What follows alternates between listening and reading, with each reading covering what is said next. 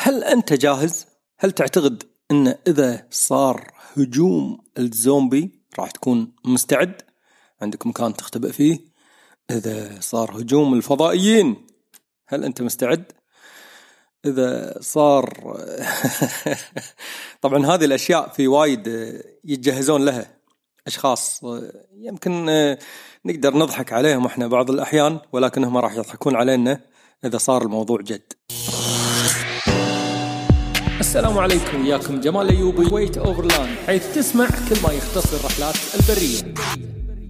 طبعا اليوم ما راح أتكلم عن الزومبي ولا راح أتكلم عن الفضائيين لأن هذه الأشياء يمكن خرافية وهي من صنع الإنسان وصنع البشر. ليش؟ طلعت لنا بالأفلام الناس صدقتها أو يمكن خلقتها داخل عقولها وقامت آه، تخاف منها أو أو أو تصنع لها آه، احتياطات في برنامج آه، يمكن دائما نتابعه بال National Geographic أو يطلع أيضا على Discovery واحدة منهم يمكن اللي هو برنامج Doomsday Preppers اللي هو التجهيز استغفر الله ليوم القيامة. يمكن هم عندهم آه، الأمريكان يعني عندهم التجهيز لعدة كوارث. ولكن الغريب بالموضوع إن أغلب اللي قاعد يجهزون آه، حاطين انهم قاعد يجهزون حق هجوم الزومبي. شنو هو الزومبي؟ اللي هو الموتى اللي عاشوا وإذا عضوا واحد يتحول يصير ميت نفسهم ويمشي كلام فاضي يعني. كلام فاضي بالأحرى.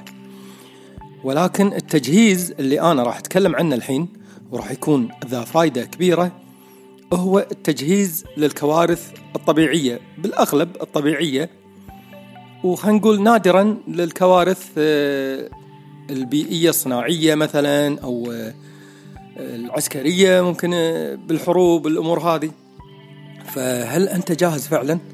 يعني التجهيز يعتمد على عدة نواحي وراح أكلمكم أنا عن كل ناحية من نواحي هذا التجهيز ولازم يكون الشخص جاهز أدري في ناس وايد راح يقولون ما له داعي والموضوع هذا ما له داعي ولكن تخيل نفسك مو الحين تخيل نفسك بوقت اللي تبطل الماي بالبيت وما راح تلقى ماي. وقت اللي تشغل كهرباء وما راح تلقى كهرباء. وقت اللي تطلع برا بتروح الجمعية ما راح تلقى جمعية. هذا الوضع كله مرينا فيه إحنا. يعني بالكويت يمكن مرينا بالوضع هذا بفترة الغزو. ووايد ناس عاشوا الفترة هذه من عمرنا يعني عاشوا الفترة هذه. رحت آه، الجمعيات بفترة من الغزو ما حصلت ولا شيء. رحت آه، تبي ماي ماكو ماي ماي صليبي والأمور هذه وكيفية التعايش في الأزمة هذه. فهذه الأزمة واحدة من أحد الكوارث اللي ممكن الإنسان يعيش فيها ولله الحمد. يعني ما ما كان في ما كان في حاجة للأمور مثلا الصعبة جدا اللي هي اللي هي حالة خلينا نقول مجاعة. ولكن آه، كان في أمر آه، اللي هو حالة الرفاهية. يمكن منو فينا بالغزو كان قاعد ويطالع تلفزيون ولا منو اللي كان يقدر دائما يسمع الراديو وعنده بطاريات دائما ولا الكهرباء كانت موجودة دائما يمكن هذه الأمور وقفت فترات واشتغلت لفترات الماي نفس الشيء آه، التناكر وبعدين ردت الأوضاع خلينا نقول مو طبيعية ولكن طبيعية من ناحية كحرب يعني. والحمد لله الحين إحنا عايشين بأمان عايشين بنعمة عايشين عندنا كل شيء أنت محتاجه. فلازم تكون جاهز.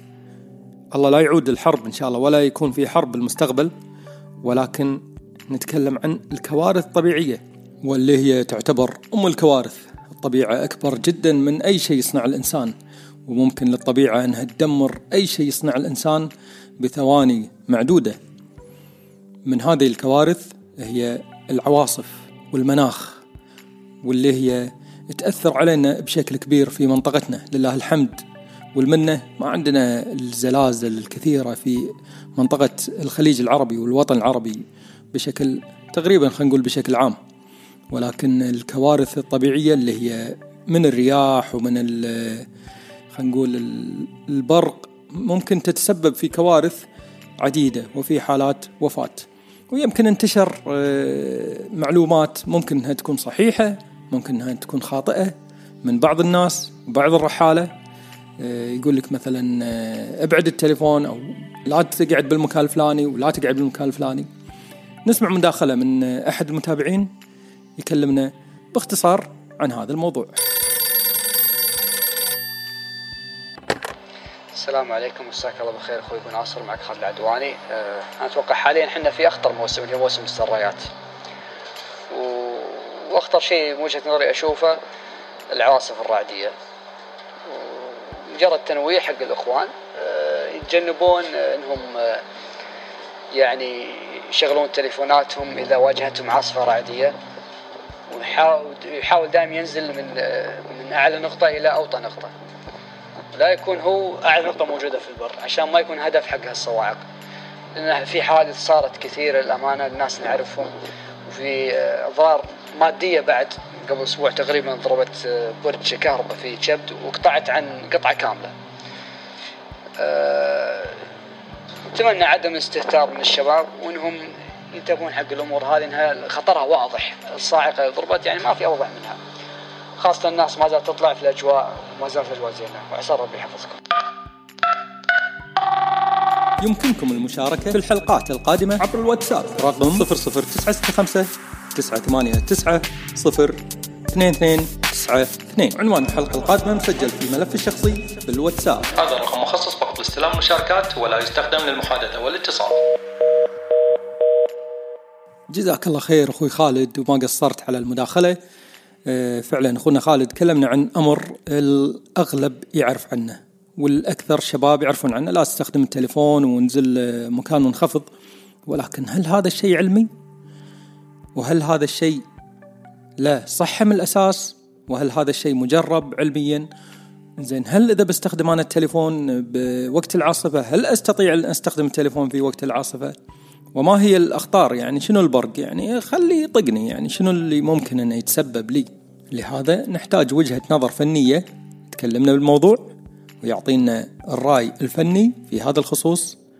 تابعتونا بالإنستغرام وشفتوا في نهاية كل أسبوع نحصل على رعاية وتغطية للطقس من حساب سحب. سحب هو برنامج تقدر تنزله على تليفونك يعطيك الأرصاد الجوية بالإضافة إلى أمور عديدة خاصة بالطقس. يدير هذا الحساب أخوي خليفة الخليفة وأخوه عبد العزيز الخليفة خبير الأرصاد الجوية وراح يكلمنا الحين ويعطينا أدق التفاصيل اللي نحتاج نعرفها كرحالة وكأشخاص قاعدين ببيوتنا عن كيفية التعامل مع البرق وكيفية الحصول على أأمن مكان ممكن أنت تجلس فيه بالبرق وهل تقدر تستخدم تليفونك أو لا. السلام عليكم أخوي جمال الأيوبي يسعدني ان تكون لي مداخلة في قناتك الكريمة. آه، في البداية راح أتكلم عن أنواع الكوارث الطبيعية اللي تسببها الطقس طبعا تنقسم إلى عدة أقسام. بالبداية بتكلم عن العواصف الرعدية بقسم البروق داخل هذه العواصف الرعدية دائما تكون العواصف الرعدية في مجموعة كاملة متداخلة. البرق الأمطار الرعدية وجود رياح نشطة وداخل الوطن العربي تكون عندنا آه، موجات غبارية بشكل كثيف في بعض الأحيان.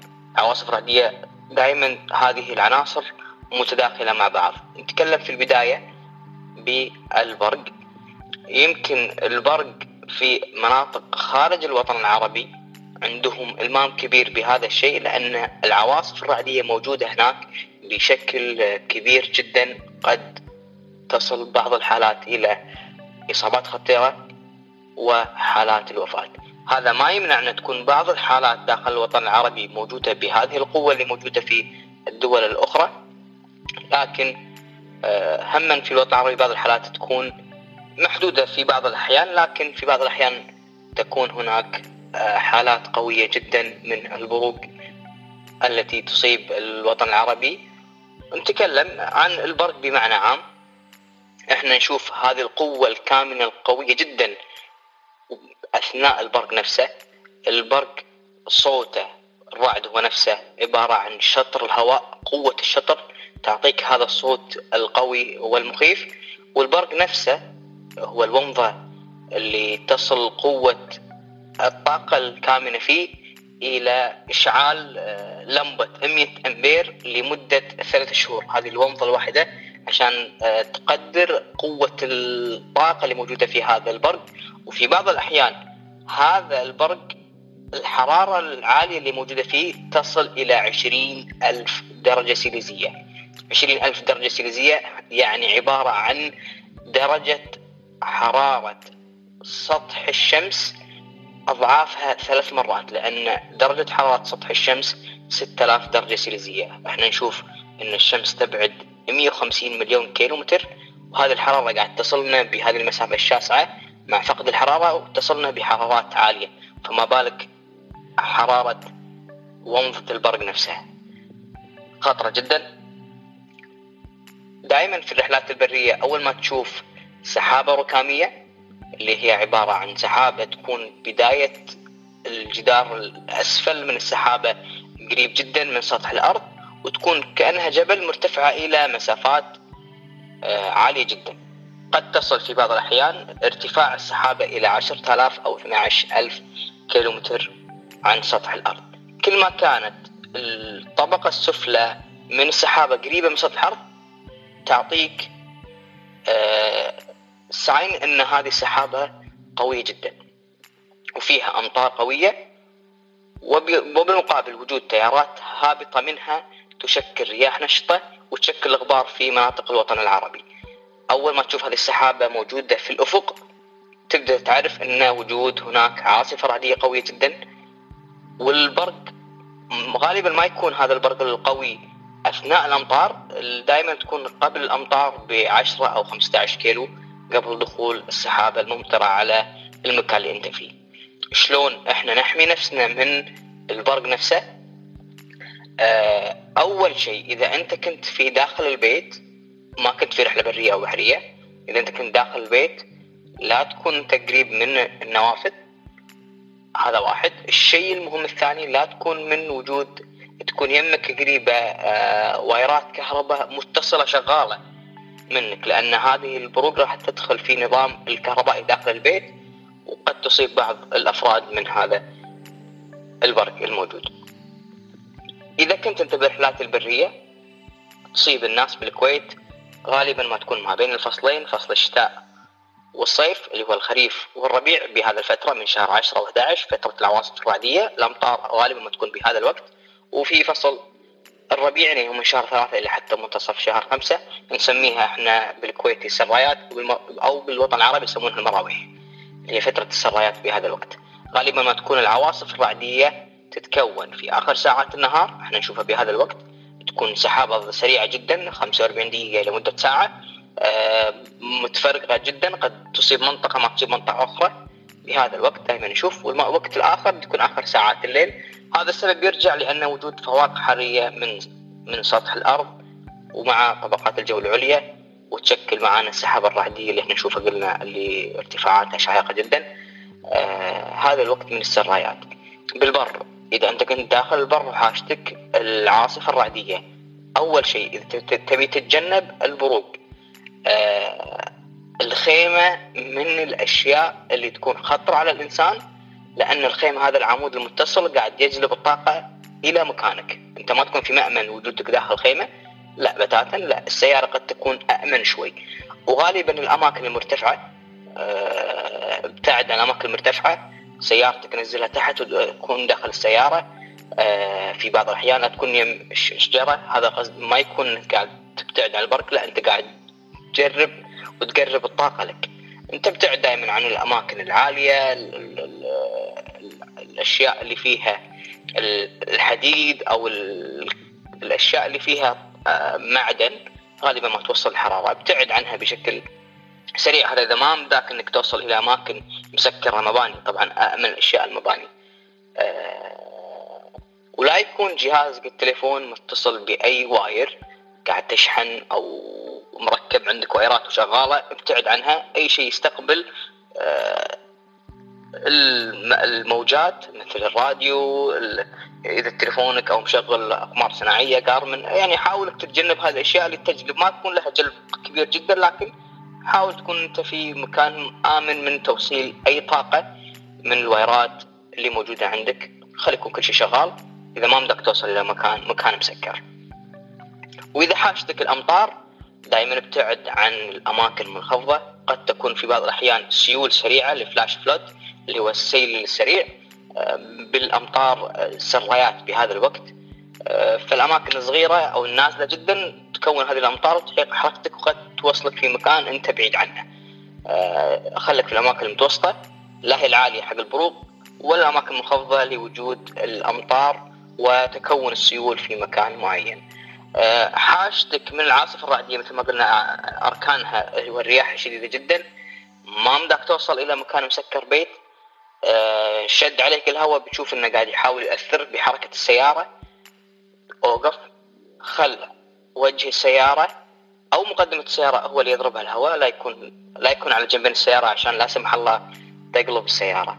هذه الأشياء. في بعض الأحيان في أشخاص آه وايد أول ما يشوف البرق يشوف إنها شيء جمالي يبدأ ياخذ التليفون يبدأ يرفع إيده ويصور. هذه من الأشياء اللي تجلب. تبي تصور افصل ال airplane mode على جهازك وإن شاء الله الأمور تكون بمأمن إذا أنت خليت هذه الأشياء ولا تكون في مكان مرتفع. تكلمنا واحد عن إذا أنت كنت في البر أو في البيت. طبعا البحر من الأشياء المهمة إن تكون في البحر؟ مثل ما ذكرت في فترة الخريف والربيع وجود السرايات بشكل سريع مثل ما ذكرت فترات آخر العصر وآخر ساعات الليل ومن الساعة يعني من 12 إلى آخر ساعات الليل هذه دائما تنشط فيها السرايات. حتى لو كنت أنت تشوف الجو مستقر بوجودك في فصل السرايات دائما قبل الرحلة البحرية اسأل الأرصاد الجوية المهتمين بالأرصاد الجوية أو اتصل على الإدارة العامة للأرصاد الجوية وأعرف النشرة.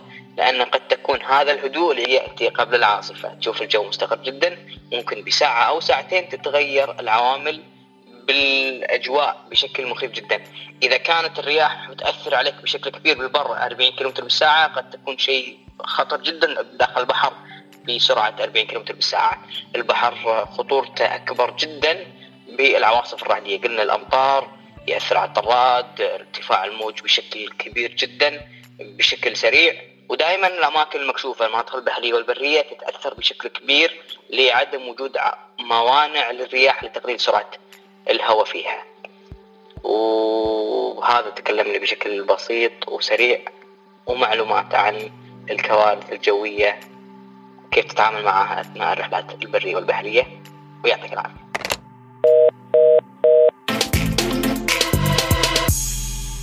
جزاك الله خير أخوي عبد العزيز وقواكم الله. تقدرون يا أخواني تنزلون برنامج سحب S U 7 O B من ال App Store وتشوف حالة الطقس أول بأول وفي أمور عديدة قلت لكم بالبرنامج موجودة ممكن انها تكون مفيدة لكم.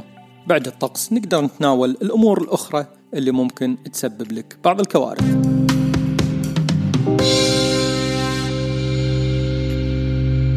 وايد قاعد نشوف هالأشياء هذه بالأفلام. أه قاعدين نشوف أه فجأة النفط خلص. ما عندك نفط. فجأة انقطع العالم. فجأة أنت انقطعت. التجهيز ترى مو شرط يكون إن أنت تكون جاهز في البيت. يعني إن بيتكم يكون جاهز. ممكن يكون تجهيزك بالسيارة. أنت طالع بالبر رايح خلينا نقول مسافر ويا عيالك درب طويل انقطع فيك الطريق دشيت مكان غلط غرزت سيارتك بالبر من الحين راح يساعدك؟ أنت مو جاهز. أنت أصلا قاطع اخترعت لك طريق بال يعني اخترعت لك خلينا نقول طريق مختصر بالخريطة شفته عندك بالجوجل. أوه هذا طريقنا أحسن هني لو ندش بر أنا سيارتي قوية. خلينا ندش بر نختصر هني. دشيت بر تختصر يا الحبيب وانقطع فيك الإرسال. وانقطع فيك الطريق وانت مو رايح كشتة أساسا عشان يكون عندك أكل. يمكن الحين اللي قاعد يسمعون أغلبهم أهل مكشات ويقول لا أنا سيارتي أصلا دائما فيها اقراض حق بر فيها ماي دائما وكذا كذا. أنت راعي مكشات ولكن سيارتك الثانية السفاري اللي صافطة بالبيت مال الاهل مثلا. يوم من الأيام بتسافر فيه تروح البحرين ولا بتروح ما نقول البحرين خلينا نقول درب أبعد يعني مثلا. بتروح الأردن. ودشيت بر وكذا كذا كذا كذا كذا كذا. تاخذك القصص وتاخذك الأمور اللي ممكن إنها تصير لك وأنت مو جاهز. فالتجهيز يختلف من مكان إلى آخر من أداة إلى أداة ثانية. راح نكلمكم عن التجهيز من الأصغر إلى الأكبر إن شاء الله من خلال هذا البودكاست. أولا راح نتكلم عن التجهيز الشخصي وهو أمور تقوم بإعدادها وتجهيزها في حين حصول أي أمر غير اعتيادي وأمر غير طارئ. جمال كأنك أنت قاعد تلمح على شيء نعرفه إسعافات الأولية. نعم الإسعافات الأولية هي نوع من أنواع التجهيز للكوارث. الكارثة ترى أو أو أو خلينا نقول المشكلة تنقسم من مشكلة صغيرة إلى جرح صغير في الإصبع. إلى كارثة كبيرة وناس قاعد تطيح حواليك. فأنت قاعد تجهز حالك حاليا إحنا قاعدين نتكلم عن التجهيز الشخصي. التجهيز الشخصي لازم آه، يكون متواجد في كل مكان أنت معتاد إنك تتواجد فيه.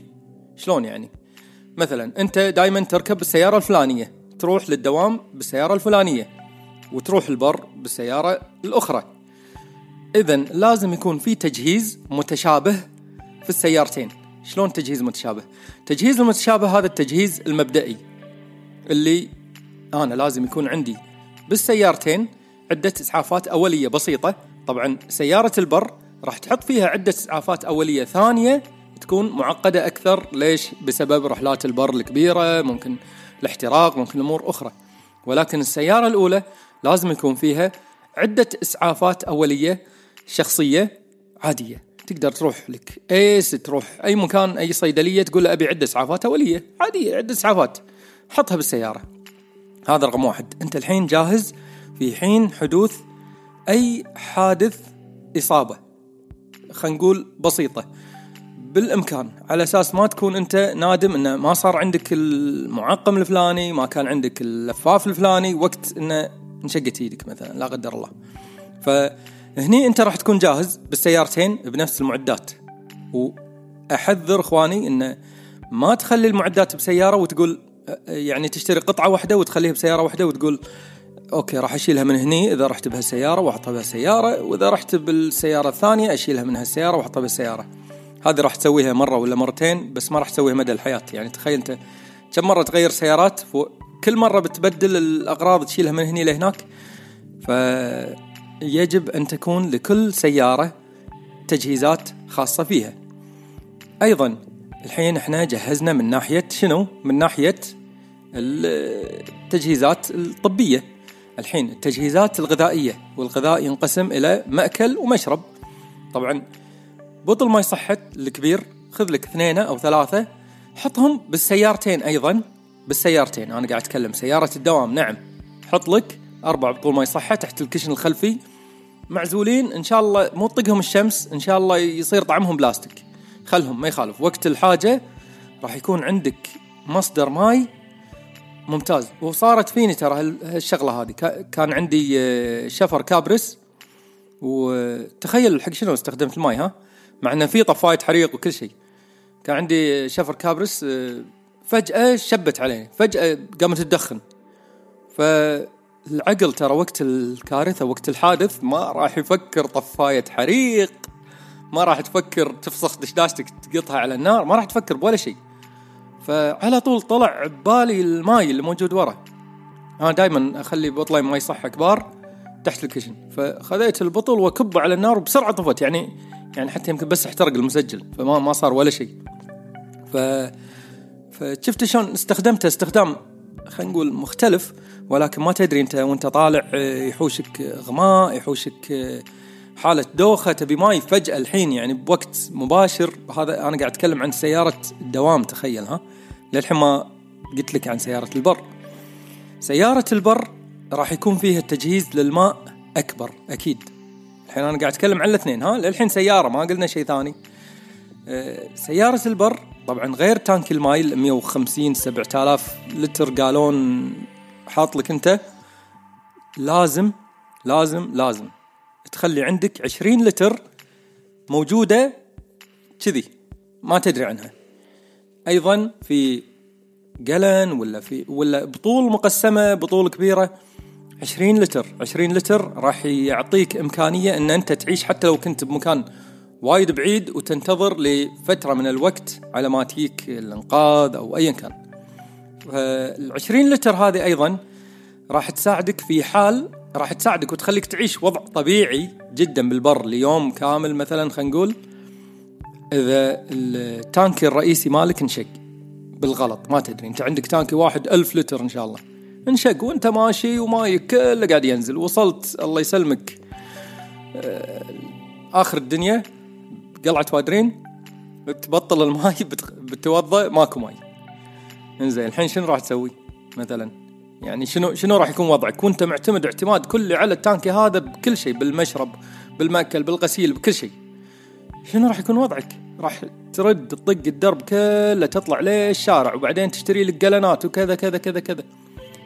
صدقني برحلتك هذه لو كان عندك قلن واحد 20 لتر راح تقدر تعيش في رحلتك بوضع طبيعي جدا. تطبخ فيه تشرب منه تتوضى منه تغسل فيه وترد وتطلع وانت تضحك. أشوا الحمد لله انه كان عندنا القالون هذا. الجالن هذا ال 20 لتر أيضا راح يساعدك وراح يكون جدا ممتاز في وقت الأزمات. إذا أنت سيارتك حتى ما كان فيها يعني خلينا نقول ما كان فيها تانك ماي. أنت مثلا سيارتك سيارة برية ودائما تطلع البر ولكن مو مجهزها بتانكي ماي ولا أنت مفكر أصلا تطلع كشته. خلينا نقول إحنا بالسعودية مثلا المناطق متباعدة جدا. طلعت بسيارتك تبي تعبر تروح المكان الفلاني. قلت خلنا أمر الهجرة الفلانية وضعت. ويعني الله يرحم اللي حاشهم الوضع هذا وتوفوا. وايد ناس حاشهم الوضع هذا. يمكن سمعتوا شاب كويتي مع ولده صار فيه المشكلة هذه توفى الله يرحمهم. ليش؟ لأنه ما كان عنده العشرين لتر هذه المحذوفة اللي طعمها بلاستيك اللي فيها نكهة وفيها ما أدري شنو. هذه راح تنقذ حياتك بوقت الأزمة بوقت الضياع. هذا بالنسبة حق الماي. بالنسبة حق المأكل يمكن هني الناس راح تقول لحظة لحظة جمال. زين شرب وحطينا. بعد نحط لنا شن تبي نخش لنا مشبوس دياي بغرشة شي نخليه طايح كنا ما ندري عنه. لا مو مشبوس دياي. تخلي لك آه، مأكولات معلبة طويلة الأمد. تروح الجمعية الله يسلمك وتشوف. وتشوف المأكولات المعلبة اللي موجودة وتشوف أطول مدة ممكنة. آه، يعني أيضا أيضا ترى يعني لو أنت ضايع في مكان وشفت لك علبة فول خلينا نقول صار لها سنة منتهية ترى ما راح تقتلك يعني ولا راح تسممك. ولكن لما تشوف شيء ميت وتقعد تاكل فيه بالبر هذا الشيء اللي راح يسممك وممكن يقتلك وأنت متوقع إن هذا ممكن ينشطك. ولكن علبة الفول منتهية ولا طعمها محمض ولا الأمور هذه ترى هذه ما راح ما راح تضرك أساسا. هذا مجرد تغير بالنكهات. وأغلب المأكولات ترى كذي. لما تخترب مجرد تغير بالنكهة. وليس وليس يعني ما راح يتحول إلى سم يعني بالأحرى. فتحط لك ثلاث آه، قراش معلبات. أنا مو قاعد أكلمك هذه المعلبات عشان إذا وصلت البر أوه يا شباب افا عليكم جاهز أنا عندي فول الحين أسوي لكم ريوق. فجأة شي ولا صار عندك فول. لا مو هذا اللي قاعد أتكلم عنه. هذولا عدة طوارئ. هذه هذه طفاية الحريق مالتك. أنت مو عندك طفاية حريق؟ ليش شريت طفاية حريق؟ باكر بتحرق سيارتك؟ ولا ليش؟ يعني هل أنت رجل إطفاء مثلا؟ لما ركبت طفاية الحريق بسيارتك أنت ركبت طفاية الحريق على أساس أن تطفي فيه الحريق في حال حدوثه.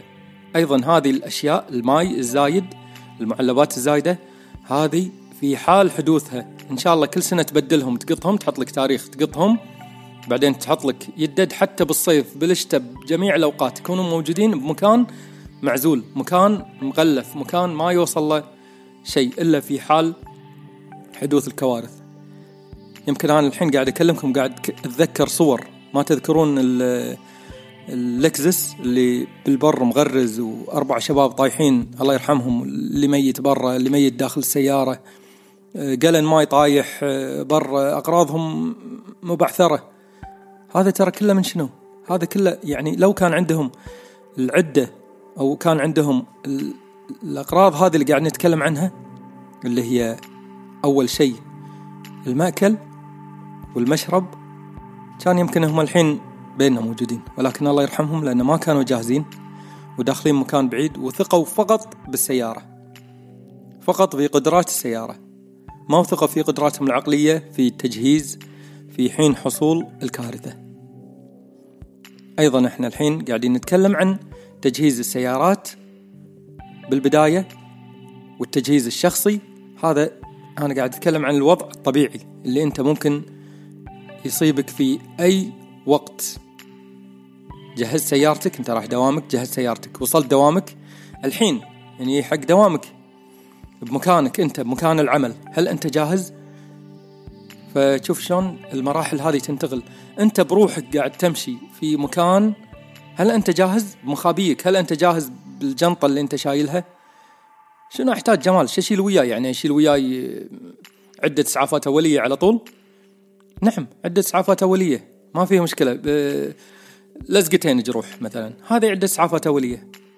هي ممكن ترى المسألة تكون من بساطتها إلى تعقيدها. من شيء جدا بسيط فجأة وأنت قاعد ويا ربعك بمكان فجأة واحد زلغت ايده السكين أخ شنو هذا؟ طلعت أنت ملصق الجروح.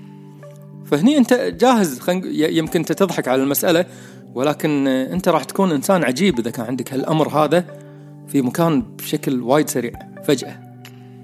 وراح تكون إنسان مرتب إنسان منظم إنه يكون عندك هالشيء هذا بشكل وايد سريع. يمكن شاهدتوا عرض حقيبة ال EDC في قناتي على اليوتيوب. حقيبة ال EDC هي حقيبة تكون جاهزة في حين حصول أي شيء أنه يكون داخل الحقيبة هذه كل شيء. بقدر الإمكان وبذكاء تام حقيبة ال EDC عادة تكون حقيبة صغيرة جاهزة بكل شيء. جاهزة إذا هجم عليك واحد وجاهزة إذا آه، شفت واحد طايح قدامك وجاهزة إذا أنت يعت وجاهزة إذا أنت تبي تصيد. فعلى حسب وضعك على حسب أنت الوضع اللي ممكن يكون حواليك في المكان معين. أنت إنسان متعود أنك تدخل البراري وتتمشى فوضعك راح يكون مختلف عن إنسان مثلا آه، رحال بالمدن يحب يترحل بين المدن. آه، مو قاعد أقول لك أنا وضع حرب ووضع تجهيز حق طق وهواش. لا لا. وضع آه، إنك جاهز آه، متى ما عطشت جاهز متى ما شفت نافورة فيها ماي صالح للشرب إنك تعبي بطل جاهز إنك تبي تاكل الحين جاهز إن عندك تبي تسخن ماي جاهز إن هذه الأمور على كيفك. أنت شنو تبي؟ شنو تبي يكون موجود عندك؟ أخ لو عندي كذا إنه يكون جاهز وموجود ومتوفر عندك. هذا بالنسبة حق التجهيز الشخصي ولكن إحنا نتكلم في حال الكوارث وليس في حال حال إنك رايح مدينة ولا الأمور هذه. الكوارث كلها أنت ممكن تنظر لها إلى منظور خطر يحصل لك في خلال يومك آه، اللي أنت عايش فيه. يعني مثلا أنا الحين آه، قاعد بالدار ممكن لا سمح الله يصير زلزال. فجأة صار زلزال. انقطعت الكهرباء وإحنا نتوقع أن تنقطع الكهرباء يوم يومين ولكن انقطعت أسابيع وانت عايش خلينا نقول مثلا في دولة ثلجية وبرد قارس فهل أنت جاهز؟ هل عندك حطب مثلا بالبيت ومجهز مكان إنك تشب نار ومدخنة تطلع منها النار وكذا؟ فكل مكان يختلف إلى آخر في دول الحين الله يفك عوقهم عندهم حروب هل أنت جاهز في حال حدوث هجوم كيماوي؟ هل أنت جاهز؟ هل عندك غرفة مجهزها التجهيز هذا الخاص في هذا الأمر؟ فهذا الجاهزية اللي إحنا قاعدين نتكلم عنها أنت إذا رحت دولة آه، خلينا نقول بأفريقيا ولا بالهند ولا من الدول اللي فيها الأوبئة لما تروح هناك هل أنت جاهز في هذه الدولة ومطعم التطعيمات الخاصة المضادة لهذه الأمراض؟ فهل أنت مع ان أنا ما أنصح بالتطعيمات هذه المضادة ترى فيها وايد أمور ممكن إنها تهتك بصحتك ولكن صدقني إذا أصابك المرض اللي أنت مطعم عشانه راح تقول حطوا بدمي حتى لو تيزاب. فبعيد الشر عن الجميع طبعا. فلازم تكون أنت جاهز. زين قبل الجميع. وبعدين تحرص على جاهزية الأشخاص اللي حواليك. انت لازم تنقل الثقافة هذه لك وحق أهلك اللي بالبيت. آه، في حال انقطاع الماء كم واحد فيكم الحين قاعد يسمع؟ في حال انقطاع الماء هو عنده ماء احتياطي بالبيت أساسا.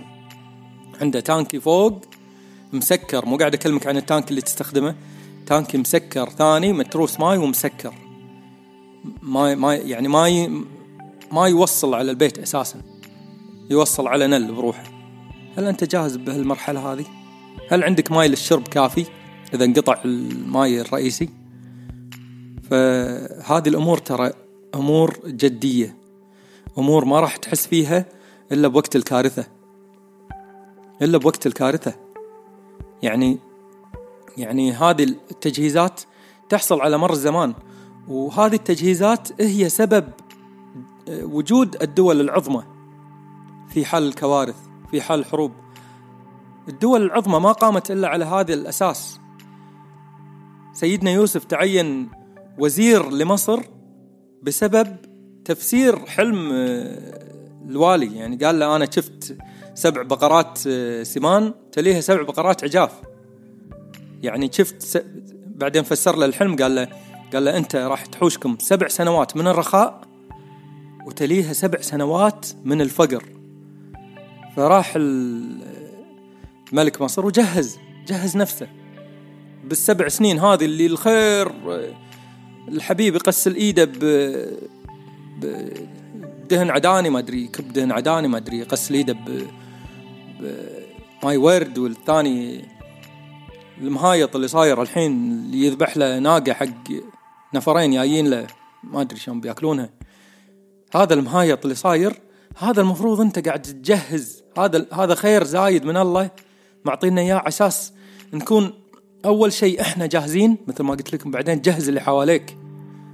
بعدين توكل الفقارة اللي عايشين بالعالم. هذا التجهيز اللي أنا قاعد أتكلم عنه. إن الحين عندنا إحنا الخير. الحين أنا أقدر أروح أشتري لي خيشة عيش ولا ما أقدر؟ أقدر بسهوله بكم خيشة عيش؟ 8 دنانير 9 دنانير 10 عندي مكان بالبيت عندي مكان بالبيت. قط لك 10 خياش عيش كأنك ما تدري. خلهم. ينتهي العيش يخ... يصير في سرو إنزين أنت لين تيوع لين تكو... تحس إنك ميت مليون وتشوف عيالك ميتين مليون. هل يهمك إذا العيش في سرو ولا لا؟ لا ما راح آكله طعمه منتهي. ف لازم الواحد يكون جاهز لهذه الأمور. إحنا الحين في رخاء ولكن الله يعلم المستقبل. وإن شاء الله المستقبل يكون خير وأحسن من الحين بوايد والعيش هذا يتم موجود بمكانه ولا ولا راح تجيسه. وأنا أكيد أتمنى هالشيء وما حد يتمنى الشيء وأنا الحين قاعد أكلمكم يمكن عن الجاهزية يعني الجاهزية اللي موجودة عندي جدا بسيطة. جدا جدا بسيطة. يمكن يمكن تختصر على الجاهزية في للرحلات البرية. ولا يعني مو مو قاعد أتكلم أنا عن الأمور هذه الجاهزية وأنا جاهز بالبيت وأنا جاهز بالدوام وأنا جاهز. لا ولكن هذه كلها أفكار كلها قراءات كلها من عن طريق برامج أنا تابعتها وشفت الجاهزية هذه.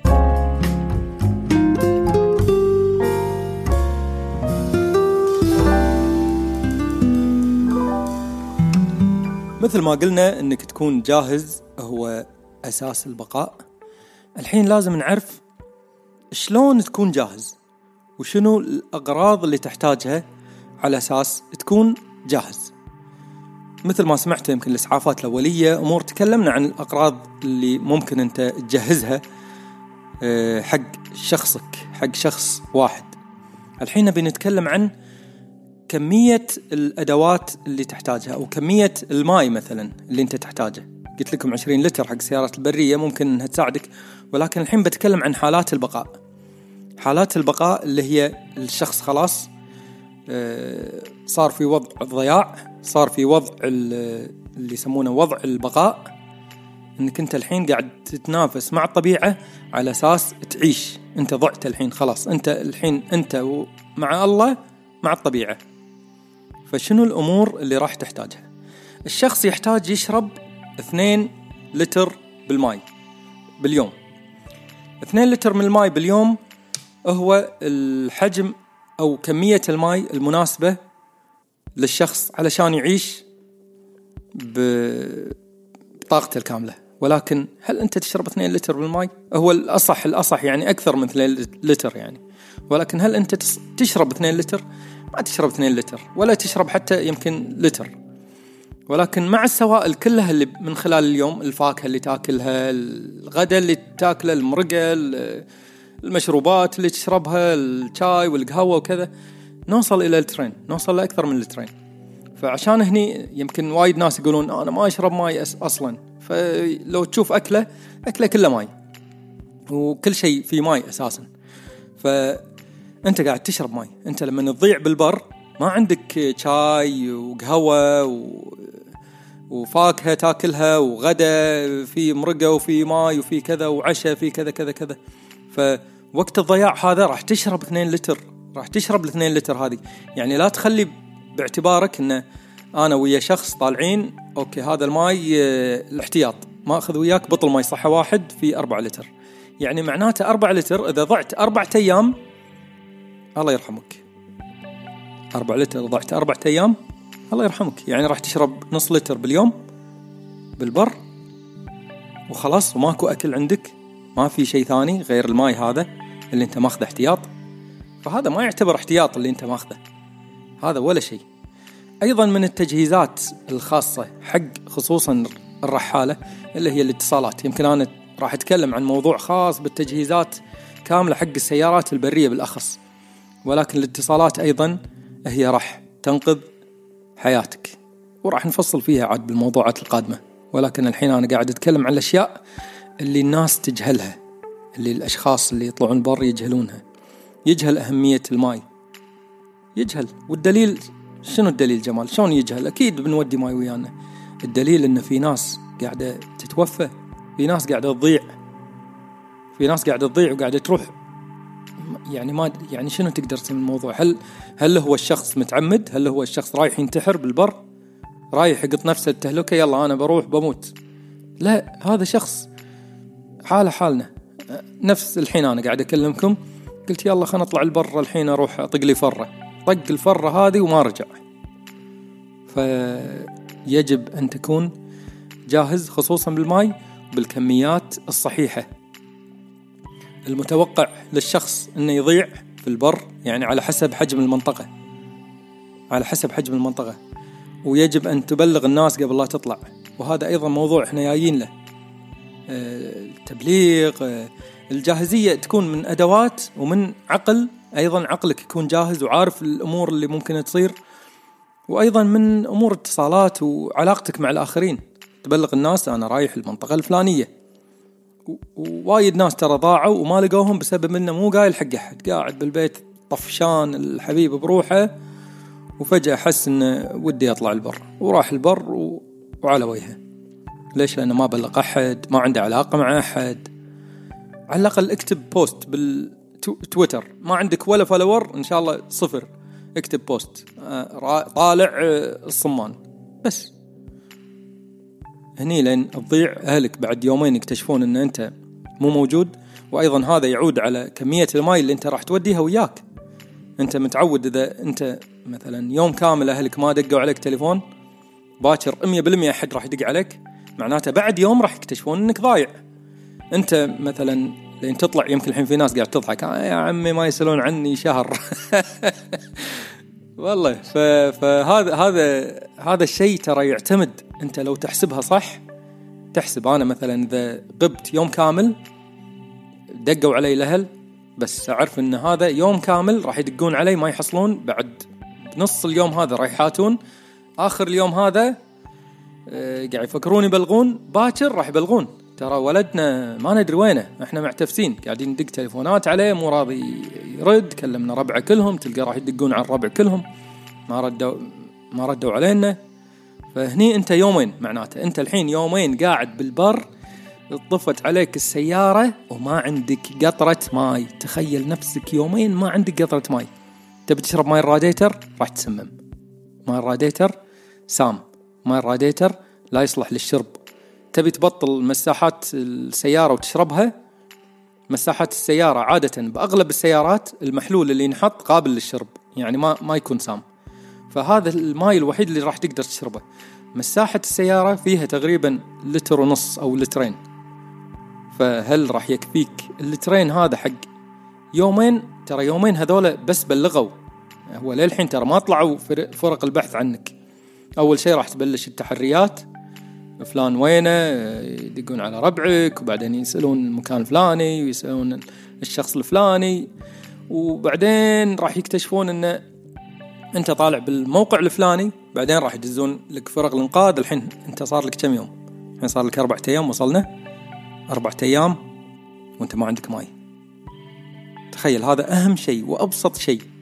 لو أنت عندك الاربع بطول ماي صحة اللي تكلمنا عنهم أو عندك خلينا نقول العشرين لتر اللي تكلمنا عنها كان أنت بوضع الكشتة.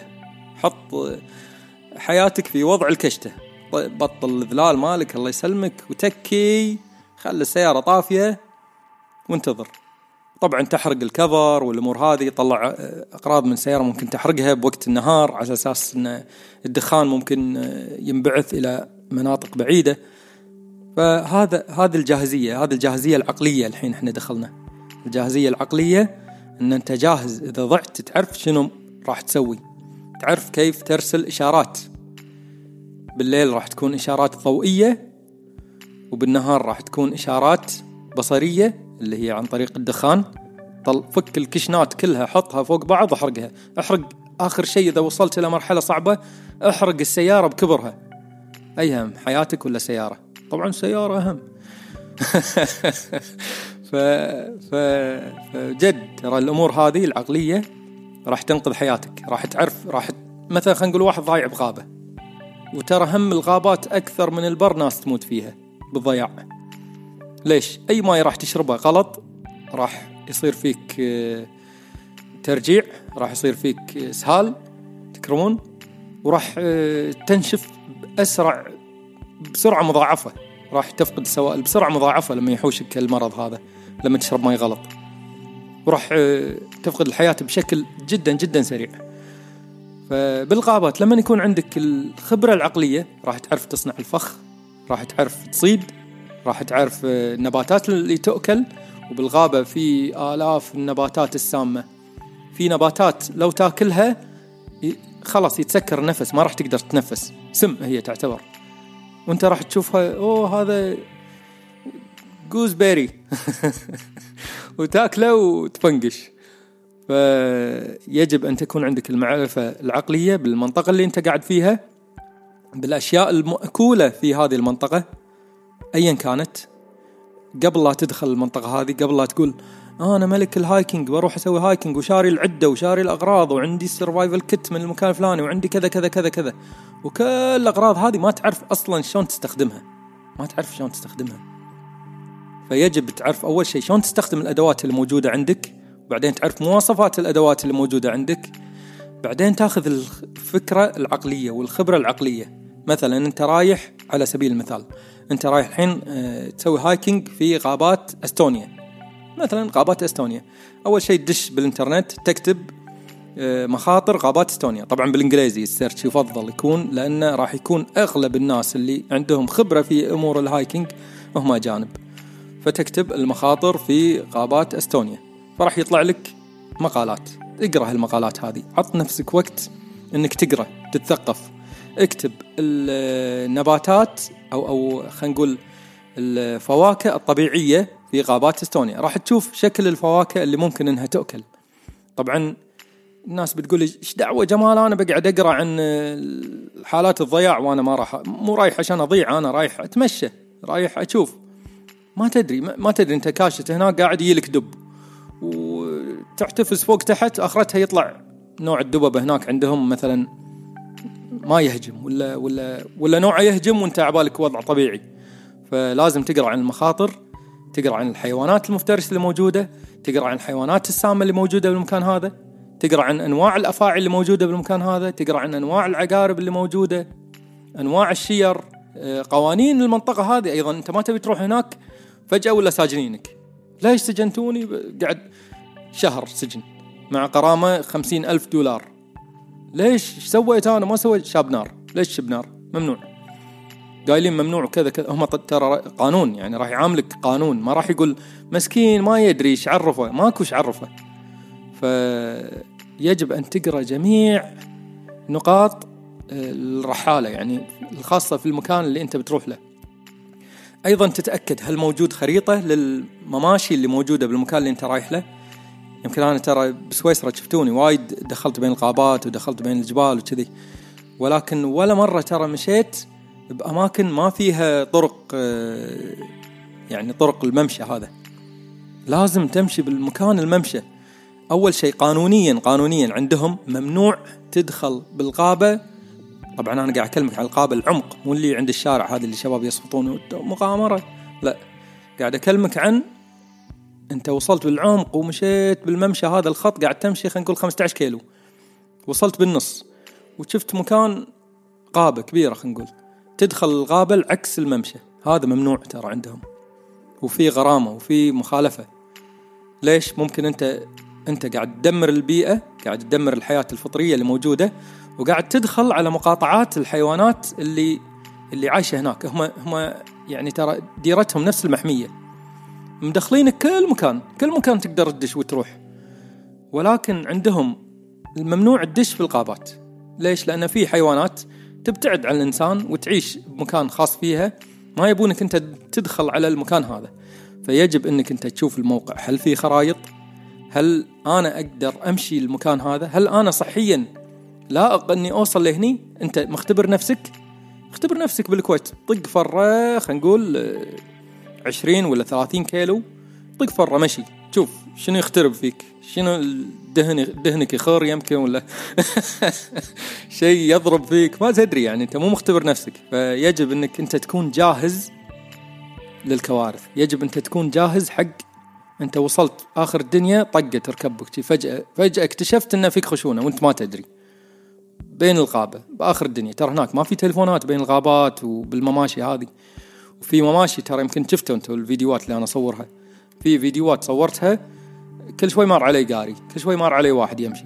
في مماشي قاعد فيها ما مر علي ولا بالكويت نقول ولا قطو يعني ما حد مر علي نهائيا. ف يجب إن أنت تاخذ المعلومات الفكرية تكون جاهز فيها ولازم تكون معداتك صحيحة.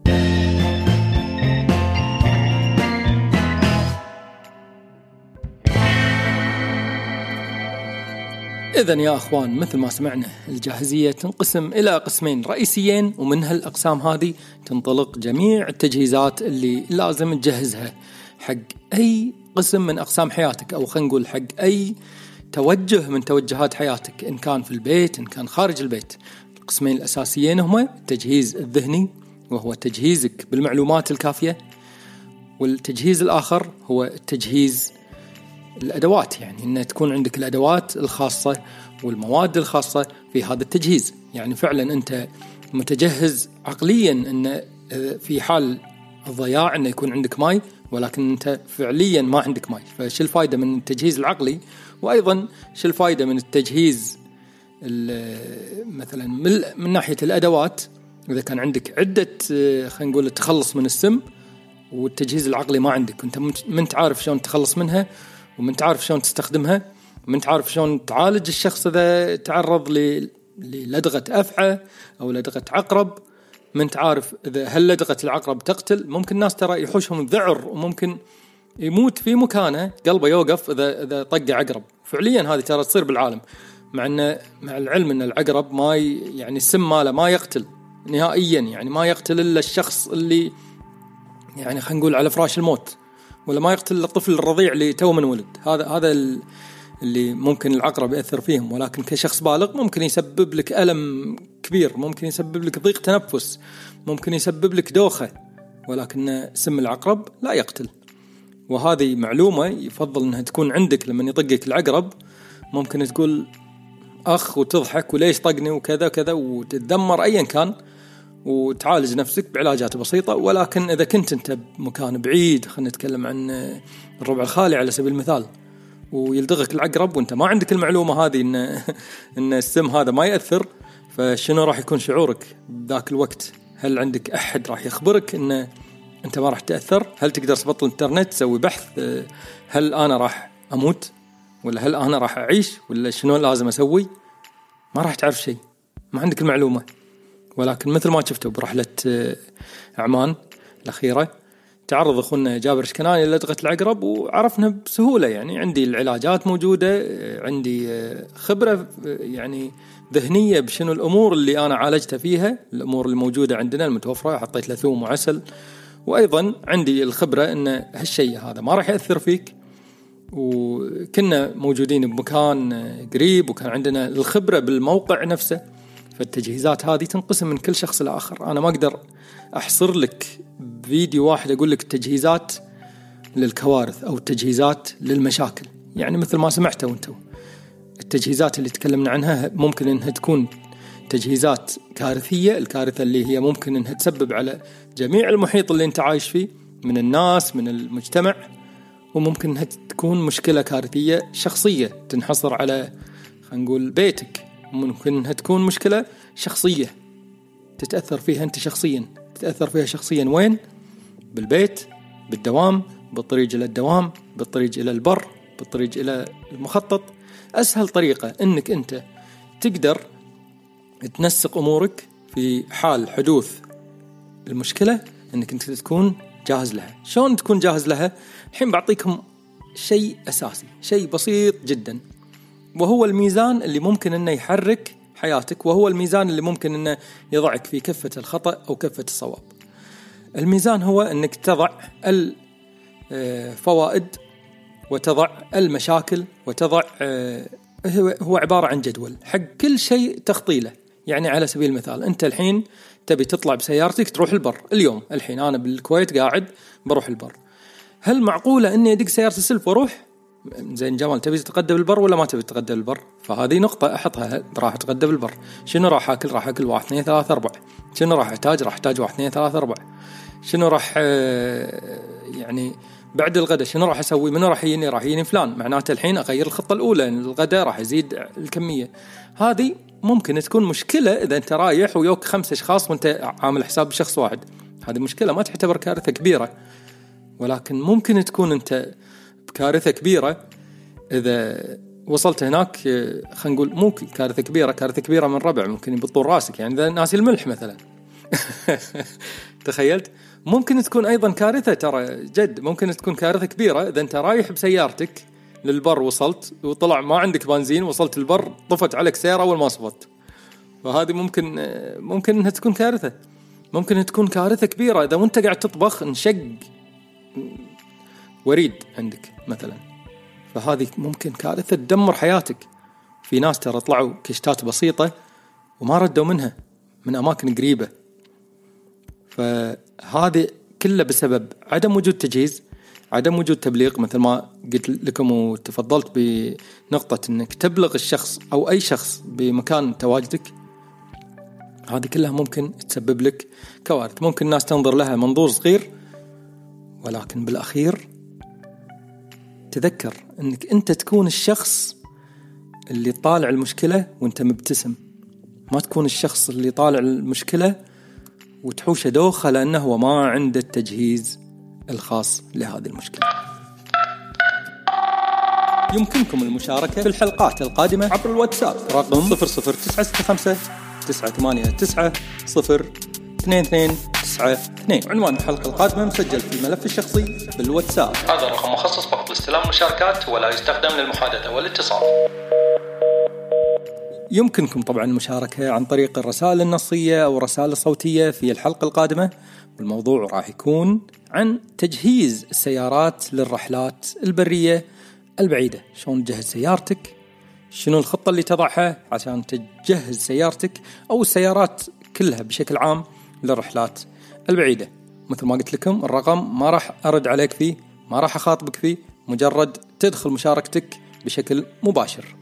حط الشيء اللي أنت تعرف عنه معلومة تعرف عنها شغلة تبي تشاركنا فيها آه، فكرة جت لك مشكلة صارت لك بإطار هذا الموضوع. مع لقاء يتجدد فيكم إن شاء الله في الحلقة القادمة. وإلى اللقاء والسلام عليكم ورحمة الله وبركاته. كان معاكم جمال الأيوبي. إلى لقاء قادم. في حلقات متجددة للمزيد تابعوني. انستغرام سناب يوتيوب والموقع الإلكتروني. Q8overland.com